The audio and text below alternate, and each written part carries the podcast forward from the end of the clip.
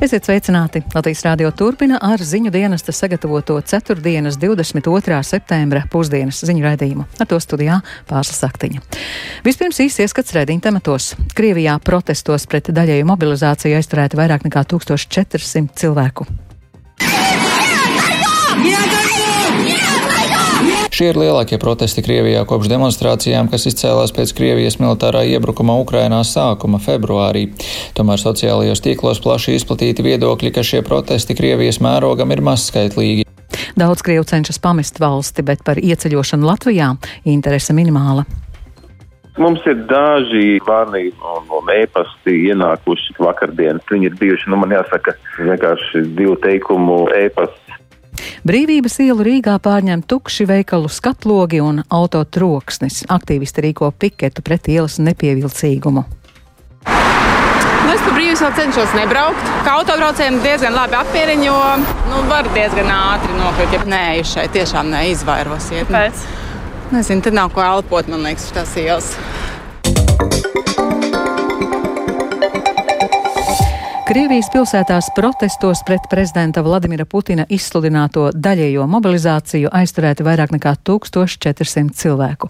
Par to vēsta tīmekļa izdevums Medūza, atsaucoties uz nevalstisko organizāciju OVD Info, kas veids Krievijas politieslodzīto uzskaiti.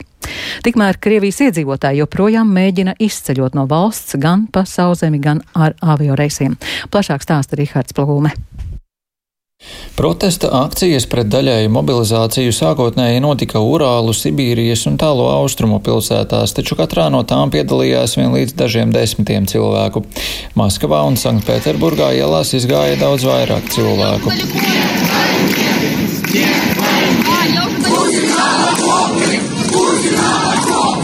Ar tādiem saukļiem kā nē karam un Putinu ierakumos cilvēki pulcējās Maskavas ielās. Ātri vien sākās arī aizturēšanas. Kopējais galvaspilsētā aizturēto skaits pārsniedz 530 cilvēkus. Galvaspilsētā likumsargi aiznesuši arī divus protestētājus, kas bijuši bezsamaņā. Sociālajos tīklos arī tika izplatīts video, kā likumsargi aiznes uz zemes guļošu nekustīgu jaunu sievieti. Neoficiāli tika ziņots, ka viņa piekauta līdz nāvei, taču tam nav apstiprinājuma. Maskavā vairākās policijas nodaļās aizturētajiem tika izsniegtas mobilizācijas pavēstes. Sanktpēterburgā uz protesta akciju pie Īzaka katedrāles izgāja simtiem cilvēku un arī tur notika aizturēšanas. Aizturēti vismaz 565 cilvēki. Tikmēr Jekaterinburgā, kur notika mītīņš darba laukumā, aizturēti vismaz 48 cilvēki. Aizturēto vidū bija arī daži vīrieši, kas brīdi pirms aizturēšanas lielījās, ka būs lepni doties karot uz Ukrainu un pakļausies mobilizācijai. Samārā policija aizturēja sievieti ar diviem mazgadīgiem bērniem, kas pastaigājās blakus protesta norises vietai.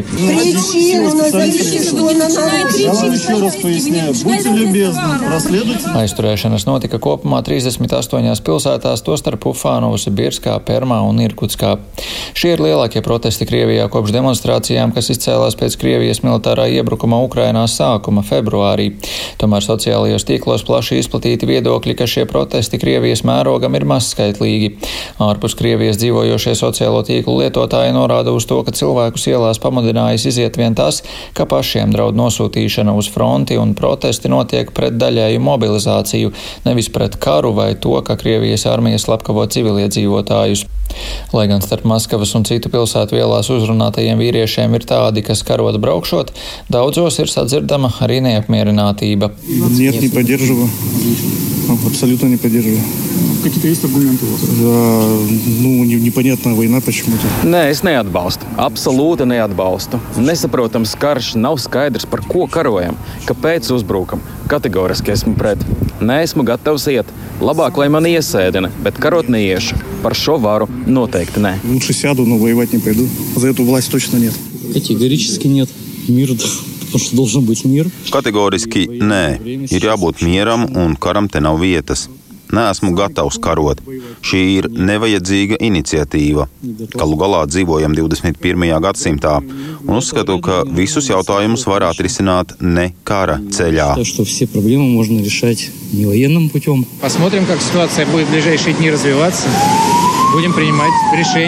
Redzēsim, kā situācija risināsies tuvākajās dienās. Pieņemsim lēmumus, ja mūs tas skars.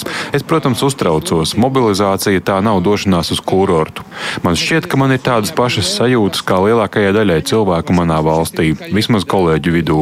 Mans birojs ir tepat netālu. Šodien kolēģu acīs prieku neredzēju. Neapmierinātība ar daļēju mobilizāciju rezultējusies Krievijas iedzīvotāju centrā centienos pamest valsti. Krievijas iedzīvotāji joprojām mēģina izceļot no valsts, izmantojot gan sauszemes, gan gaisa transportu. Tā, piemēram, gara automašīnu rinda bija novērojama uz Gruzijas un Krievijas robežas Larsī kontrolpunktā. Tiek vēstīts arī par automašīnu rindām, kas atrodas pie Krievijas robežas ar Mongoliju un Kazahstānu. Gara automašīnu rinda bija novērojama arī pie Krievijas un Somijas robežas. Somijas sabiedriskā raidorganizācija vēsta, ka naktī no trešdienas uz ceturtdienu rosība robežu šķērsošanas punktos Somijas dienvidu austrumos bijusi lielāka nekā parasti. Tā kelloaikaan nähden, että aiemmin, aiemmin ei ole tuossa Robežsardzes pārstāvis Metī Pitkanitī norādījis, ka aizvadītajā diennaktī Somijā caur austrumu robežu ieradās vairāk nekā 4800 Krievijas pilsoņu. Vairākos robežu šķērsošanas punktos joprojām notiek gatavošanās pastiprinātai satiksmē no Krievijas puses. Vakar vairāki Krievijas pilsoņi, kas vēlējušies šķērsot robežu, tikuši atraidīti. Robežsardze iemeslus gan nenosauc. Rihards Plūme, Latvijas radio. Somija gatavojas ierobežot vai pilnībā pārtraukt turismu no Krievijas To paziņoja Somijas ārlietu ministrs. Tikmēr Gruzijas varas iestādes apgalvo, ka ar ieceļotājiem no Krievijas problēmu nebūšot. Un pirms brīža mēs sazinājāmies ar Radio Svoboda Eho Kavkaza žurnālistu Dmitriju Monjāvu.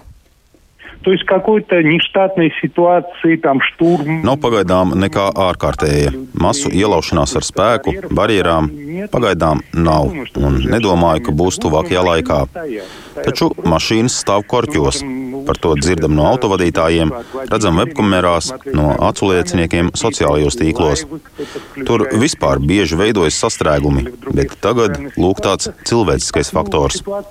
Domāju, ka tālākā situācijas attīstība būs atkarīga no tā, kādas barjeras izliks robežas Krievijas pusē, kādi būs ierobežojumi laidīs cauri vīriešus vai nē.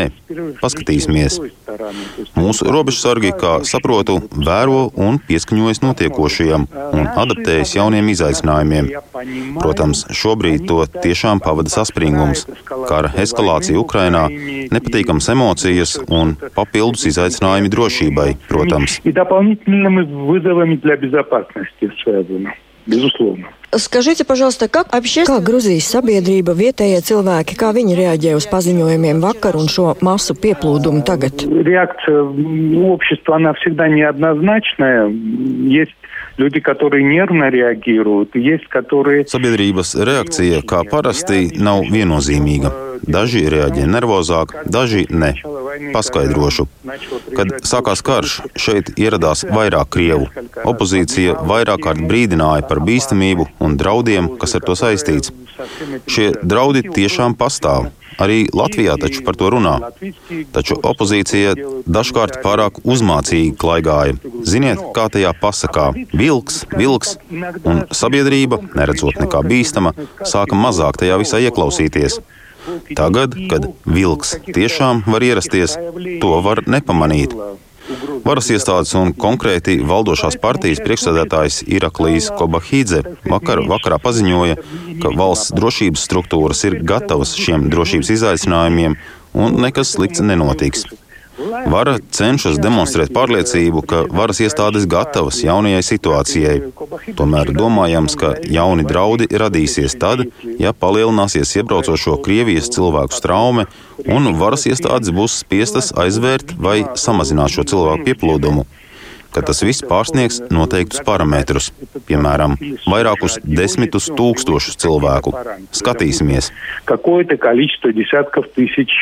человек. Ну, посмотрим. Tā Radio Svoboda Eho Kafkāza žurnālists Dmitrijs Monjāva. Un atgriežoties pie vakardienas nemieriem Krievijas pilsētās, pēc mobilizācijas izsludināšanas protesti Krievijā bija sagaidāmi. Tā Latvijas radio atzina Austrum Eiropas politikas pētījuma centra pētnieks Mācis Balodis. Taču tie ir haotiski, jo nav opozīcijas līderi, kas tos varētu organizēt. Tomēr mobilizācijas izsludināšana var būt pagrieziena punkts Krievijas sabiedrības attieksmē. Domāju, šī sabiedrības reakcija lielā mērā tika gaidīta, ir īpaši šādā mērogā. Es domāju, svarīgi uzsvērt to, ka mobilizācija Krievijā ir izteikti riskants solis, jo kopumā, protams, Kremlis ir ieinteresēts, lai sabiedrība vispār netiktu iesaistīta un negribētu iesaistīties politiskajos procesos, un sabiedrība līdz šim arī ir bijusi samērā mierīga, kas lielā mērā ir skaidrojams ar sabiedrības vēlmi izolēties, distancēties un norobežoties no notiekošā kara, taču līdz ar šādas mobilizācijas izsludināšanu valsts faktiski iekārta sabiedrības privātajā telpā. Pēc vakardienas protesta akcijām Maskavā šodien nekādi nemieri vairs nav vērojami, tā Latvijas radio pirms brīža pastāstīja Latvijas vēstnieks Krievijā Mārs Rieksniņš. Viņš sacīja, ka vakar saņemti daži e-pasti ar lūgumiem pēc patvērumu Latvijā, taču tie nesot vērtējumi pārāk nopietni.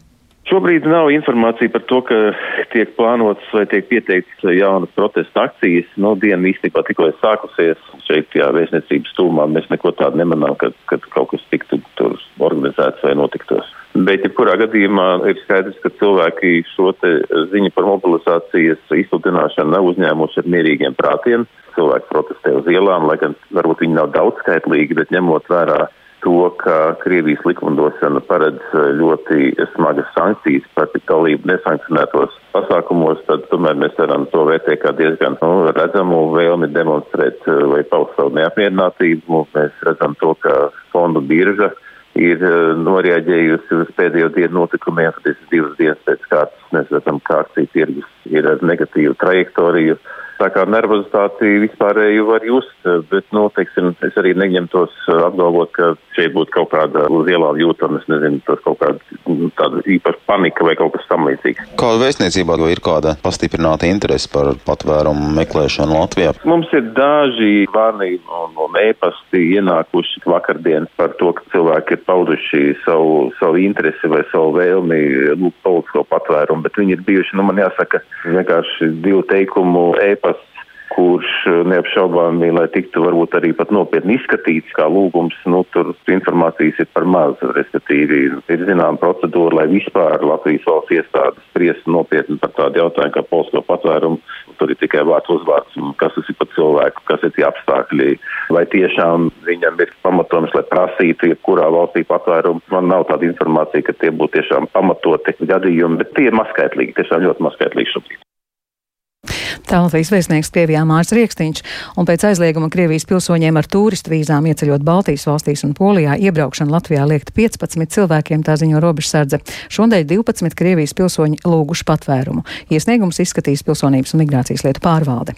Termiņu uzturēšanās atļauju izsniegšanai Krievijas un Baltkrievijas pilsoņiem turpmāk būs stingrāki nosacījumi. Sājuma šodien galīgajā lasīmā lēma par grozījumiem imigrācijas likumā, un tie paredz mainīt termiņu uzturēšanās atļauju pieprasīšanas un pagarināšanas balsošanas kārtību Krievijas un Baltkrievijas pilsoņiem. Un kā stāsta atbildīgās komisijas deputāts Edvins Šnore no Nacionālās apvienības, šīs izmaiņas varētu skart ap 50 tūkstošiem Latvijā dzīvojošo Krievu. Citiem ārzemniekiem, lai saņemtu pastāvīgās uzturēšanās atļauju, bija nepieciešams valodas, piemēram, prasība. Lūk, tagad mēs visu šo privileģēto stāvokli atceļam un piemērojam viņiem parasto kārtību. Un līdz ar to, ja viņiem līdz šim, nu, faktiski viņi varēja aizmirst par jebkādiem, nu, es šeit dzīvoju kā Krievijas pilsonis un man ir viss krieviski un man Latvijas nekas nav jāmāk, es šeit dzīvoju savā vidē, pašpietiekamā un līdz ar to man nekas neinteresē. Šajā gadījumā ir valodas prasība. Ja tu gribi šeit turpināt dzīvot ar pastāvīgās uzturēšanās atļauju, nu, tad ir jānokārto valodas prasība zemākajā līmenī. Ja nesanāk, ja, nu, tad attiecīgi jābrauc prom. Saima šodien nodeva atkārtotā izskatīšanai atbildīgajā komisijā jauno pašvaldību likumu. Skatīs tikai punktus saistībā ar vietējo iedzīvotāju vēlētām padomēm, par ko iebildumus izteicis valsts prezidents Egils Levits, un vairāk Jāņa Kīņša sagatavotajā ierakstā. Jau kopš jaunā pašvaldību likuma izstrādes valsts prezidents Egils Levits uzstāja, ka līdz ar novadu reformu jātop arī iedzīvotāju vēlētām padomēm, kas varētu pārstāvēt vietējās kopienas intereses saziņā ar pašvaldību un pašas izlemt lokālas nozīmes jautājumus. Tādējādi arī mazinātu nomaļu efektu novados. Taču saima pašvaldību likumā nav paredzējusi šādu vietējas pārvaldības modeli. Tā vietā pēc vidas aizsardzības un reģionālās attīstības ministrijas priekšlikuma pašvaldību likumā paredzēts, ka vietvarā var izveidot iedzīvotāju iedzīvotāju padomes, kuru kompetenci un iespējas nosaka dome. Šāda veida risinājums neapmierina valsts prezidentu, kurš arī saimnes rudens sesijas pirmajā sēdē uzsvēra vēlētu padomju nozīmi. Pašvaldību likumam, kas jāpieņem vēl jums šajā saimnes sasaukumā. Jāparedz tiesības cilvēkiem ievēlēt arī savus pārstāvjus vietējās nozīmes lietu kārtošanā Tas ir pilsoniskās līdzdalības un demokrātijas jautājums. Saimnes valsts pārvaldes un pašvaldības komisijai jārēģē arī uz valsts prezidenta aizrādījumu, ka likums pieļauj iedzīvotāju padomēs ne tikai Latvijas pilsoņu, bet arī nepilsoņu un ārzemnieku dalību. Saimnes valsts pārvaldes un pašvaldības komisijas vadītāja Inga Goldberga no saskaņas frakcijas atgādina, ka jau kopš pašvaldību likuma izstrādes sākuma koalīcijā nebija vienošanās par pašvaldību nultā līmeņa izveidi. Risinājums, kas ir paredzēts likumā, taču neatbilst Levita iecerēji pēc deputāts domām būtu pirmais solis uz vietējo padomju izveidi? Nu jā, jāsaprot tas, ka šis ir likums, kas regulē pašvaldību darbu, nevis veido kaut kādu jaunu formu. Līdz ar to mēs arī iekļāvām likumā jaunu, spēcīgu mūsu prātu iedzīvotāju līdzdalības formu, kuru varētu īstenot. Praktiski prezidenta piedāvājums ir jauna līmeņa pašvaldība, kuru ievēlēt Nu, mēs neredzam šobrīd procedūru, kā to varētu. Un arī piedāvājumā īstenībā nav tieši savas procedūras, kā to varētu realizēt. Vienlaikus par vēl kādu šajā likumā jau iebalsotu problēmu norāda sabiedrība par atklātību dēlna. Pretēji iepriekš lemtajam tika atbalstīts bijušā jaunās vienotības frakcijas deputāta Alda Adamoviča priekšlikums, kas ļauj pašvaldību deputātiem apvienot savu darbu ar izglītības, kultūras vai veselības jomas pārvaldības iestādes vadīšanu. Tas radīs interešu konfliktu situācijas, norāda dēlnas vadītāja Inese Tauriņa. Daudz vietas zinām, ka pašvaldībās kādas iestādes vadītājs ir arī ievēlēts par deputātu, iedzīvotāji viņam ir uzticējušies, iedzīvotāji pazīst, iedzīvotāji zina, ka viņš ir labi pildījis savu darbu līdz šim, bet šajā brīdī sākās problēma, jo lēmēja vara un izpildu vara ir vienā personā. Un līdz ar to tiešām tas risks ir par to, ka deputāts lemjot par pašvaldības budžetu, piemēram, vai kādiem citiem lēmumiem, lemj patiesībā arī reizē par iestādes, kurā viņš vai nu ir vadītājs vai augstākā līmeņa vadītājs interesēm. Un tad, nu, kurā brīdī mēs nošķirsim, tas nav iespējams un interešu konflikts tāpēc rodās. Tauriņa atgādina, ka skatot pašvaldību likumu otrajā lasījumā, saima akceptēja, ka pašvaldības deputāts nevar būt vienlaikus arī kādas iestādes vadītājs. Taču pēdējā lasījumā saimnes balsojums jau atšķīrās. Arguments tam bija, ka pašvaldībās var trūkt cilvēku, kuri var uzņemties šādus pienākumus. Bet nu, šajā gadījumā tas vairs neiztur kritiku, jo mums nav vairs 119 pašvaldības un mazas pašvaldības, kur ir mazi cilvēki. Līdz ar to ir ļoti būtiski to nošķirt. Tomēr uz šo dēlnes norādi saima šobrīd nereaģēs, jo atbilstoši saimas kārtības rulim likuma otrais caurskata tajā apjomā, uz ko ir norādījis valsts prezidents. To Latvijas radio pauda viņa juridiskais padomnieks Jānis Pleps. Otrreizēji Pašreizējai likumu skatīšanai priekšlikumu iesniedzam līdz 3. oktobrim, un saimnes sēdē tos paredzēts izskatīt 20. Oktobrī. Jānis Kincis, Latvijas Radio. Šodien, kad Eiropā ir diena bez auto un iedzīvotāji aicināti izvēlēties videi draudzīgākus pārvietošanās veidus, apvienība pilsēta cilvēkiem rīko piketu brīvības ielā, cerot pievērst politiķu uzmanību šīs ielas izmiršanai, un par to plašāk Lindas Pundiņas ierakstā.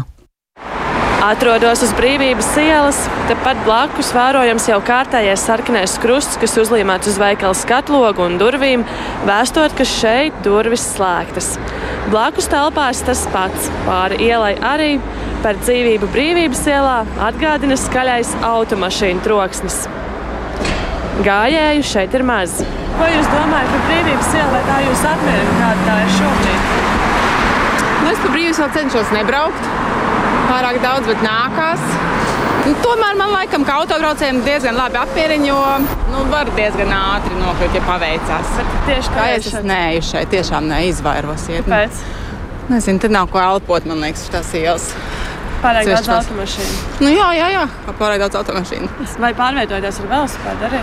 Nu, pārvietoties, bet par ielas nebraucu ar velosipēdu. Nav vērti? Nu, nav kur braukt. es domāju, ka gājējiem Rīga nav draudzīga. Man ļoti satrauc braucošie riteņi, skrējriteņus. Man labāk patīk, ja viņi būtu nodalīti. Nevis par to, ka esmu pret braucējiem, bet ka viņiem ir droša vieta un gājējiem, kas ir varbūt ar austiņām. Nu, ka viņiem ir droša vieta gan vieniem, gan otriem. Tā kā būtu forši būt atsevišķs ceļš tie, tieši priekš velosipēdistiem, tāpēc ka gājēji bieži vien traucē, bet uh, nē, man ļoti patīk, ka viņa ir gara, plata. Apvienība pilsēta cilvēkiem pirms gada iesniedz Rīgas domē vairāk nekā 3300 iedzīvotāju portālā Mana balss LV parakstītu iniciatīvu par velo un sabiedriskā transporta joslu ierīkošanu brīvības ielā. Taču doma šo jautājumu neskatīja, stāsta apvienības valdes priekšsādātājs Kārlis Krēķis. Mūs satrauc tas, ka brīvības iela kļūst ar vien tukšāka, tad mazāk cilvēku, mazāk uzņēmējdarbības. Tas būtībā nu, neko citu tur arī gaidīt nevar, jo tā būtībā ir šoseja pilsētas centrā. Tāpēc jau 2017. gadā mēs sākām vākt balsis, mana balss LV. Mēs tās savācām. Tā laika doma tās neizskatīja. Un tad, eh, kad tika ievēlēta jaunā doma, tad mēs turpinājām vākt balsis, iesniedzām vēlreiz, un arī šī mūsu prasība netika izskatīta domē. Lai rastu skaidrojumu, apvienība rakstīja ēpastus visiem 60 pašvaldības deputātiem. Divu nedēļu laikā atbildēja viena desmitā daļa, jeb seši domnieki. Starp viņiem arī galvaspilsētas satiksmes un transporta lietu komitejas priekšsādātājs Olafs Pulks no frakcijas Jaunā vienotība. Pulks norādīja, ka satiksmes departaments ir izvērtējis divus iespējamos veidus, kā brīvības ielā ierīkot velo infrastruktūru. Vai nu izmantojot tikai ceļu satiksmes organizācijas tehniskos līdzekļus, vai arī veicot pārbūvi. Satiksmes departaments konceptuāli atbalsta velo joslu izbūvi brīvības ielā. Mūsuprāt, ir tā, ka jebkuru pilsētas ielu var uzlabot. Pirmkārt, dodot iespējas arī tad, citiem satiksmes dalībniekiem. Piedāvājuma brīvības iela ļoti plata. Tas ir ļoti svarīgi, tad 20 metru plata, un tur ir arī tehniski to iespējams izdarīt. Tika izstrādāts arī projekts, Rīgas doma to pasūtīja, kur tas ir aprēķināts. Tur nav tādu nepārvaramu šķēršļu, ja, teiksim, par kuriem varētu runāt. Pilsēta cilvēkiem vēlas, lai domnieki izskat šo iniciatīvu, diskutē par to un pieņem iedzīvotāju interesēm visatbilstošāko risinājumu. Taču, lai piesaistītu deputātu uzmanību, aktīvisti šodien rīko piketu. Linda Spundiņa, Latvijas radio. Latvijas Futbola Federācija, Rīgas doma un Eiropas futbola jumta organizācija UEFA tieši šobrīd galvaspilsētā paraksta nodomu protokolu par Nacionālās stadiona būvniecību. Tas iecerēts Lucavas salā, bet izmaksas pagaidām vēl nav līdz galam aplēstas. Vairāk stāsta Mārtiņš Kļavinieks. Runas par Nacionālās stadiona celšanu Latvijā ir aktuālas jau kopš neatkarības atgūšanas. Daudz cerību tika saistīts ar Daugavas stadiona rekonstrukciju pirms četriem gadiem, bet tā tomēr savas cerības neataisnoja. Šis stadions tomēr neatbilst visaugstākajām futbola organizāciju prasībām galvenokārt tādēļ, ka tribīnes nav apjumtas. Savukārt Skonto stadions ir morāli un fiziski novecojis, turklāt ar neskaidru īpašnieku ķēdi. Plānus par stadionu celšanu Rīgā Latvijas Futbola Federācijas prezidents Vadims Ļašenko Latvijas radio neoficiāli klāstīja jau pirms gada, rādot arī pirmos rasējumu. Tagad skaidrs, ka to plānots celt Lucavsalā. Lūk, ko Ļašenko pirms pāris dienām sacīja Latvijas televīzijas raidījumā Rīta panorāma. Izdarīs darbs, mēs šobrīd domājam par Lucavsalu. Protams, mēs domājam, ka īstenot šo projektu un UFA ir interesēti amatpersonas, valsts amatpersonas ir interesēti un, protams, pašvaldības ir interesēti. Un šajā kontekstā mēs visi apsēdēsimies pie galda, lai izrunātu un lai virzītu šo procesu uz priekšu. Dienas beigās mums pašiem. Viņi nākas ar lielu finansējumu un UFA prezidents klātbūtnē mēs tos atdzirdēsim, ar kuru līdzfinansējumu viņi šeit nāk. Bet tas ir fantastiska iespēja, kur mums Latvijā vajag izmantot, lai beidzot uzsākt šo procesu. Jo, jo Skons stadions pieder Krievu uzņēmumu, kas šobrīd mēs nezinām, ko viņi to darīs.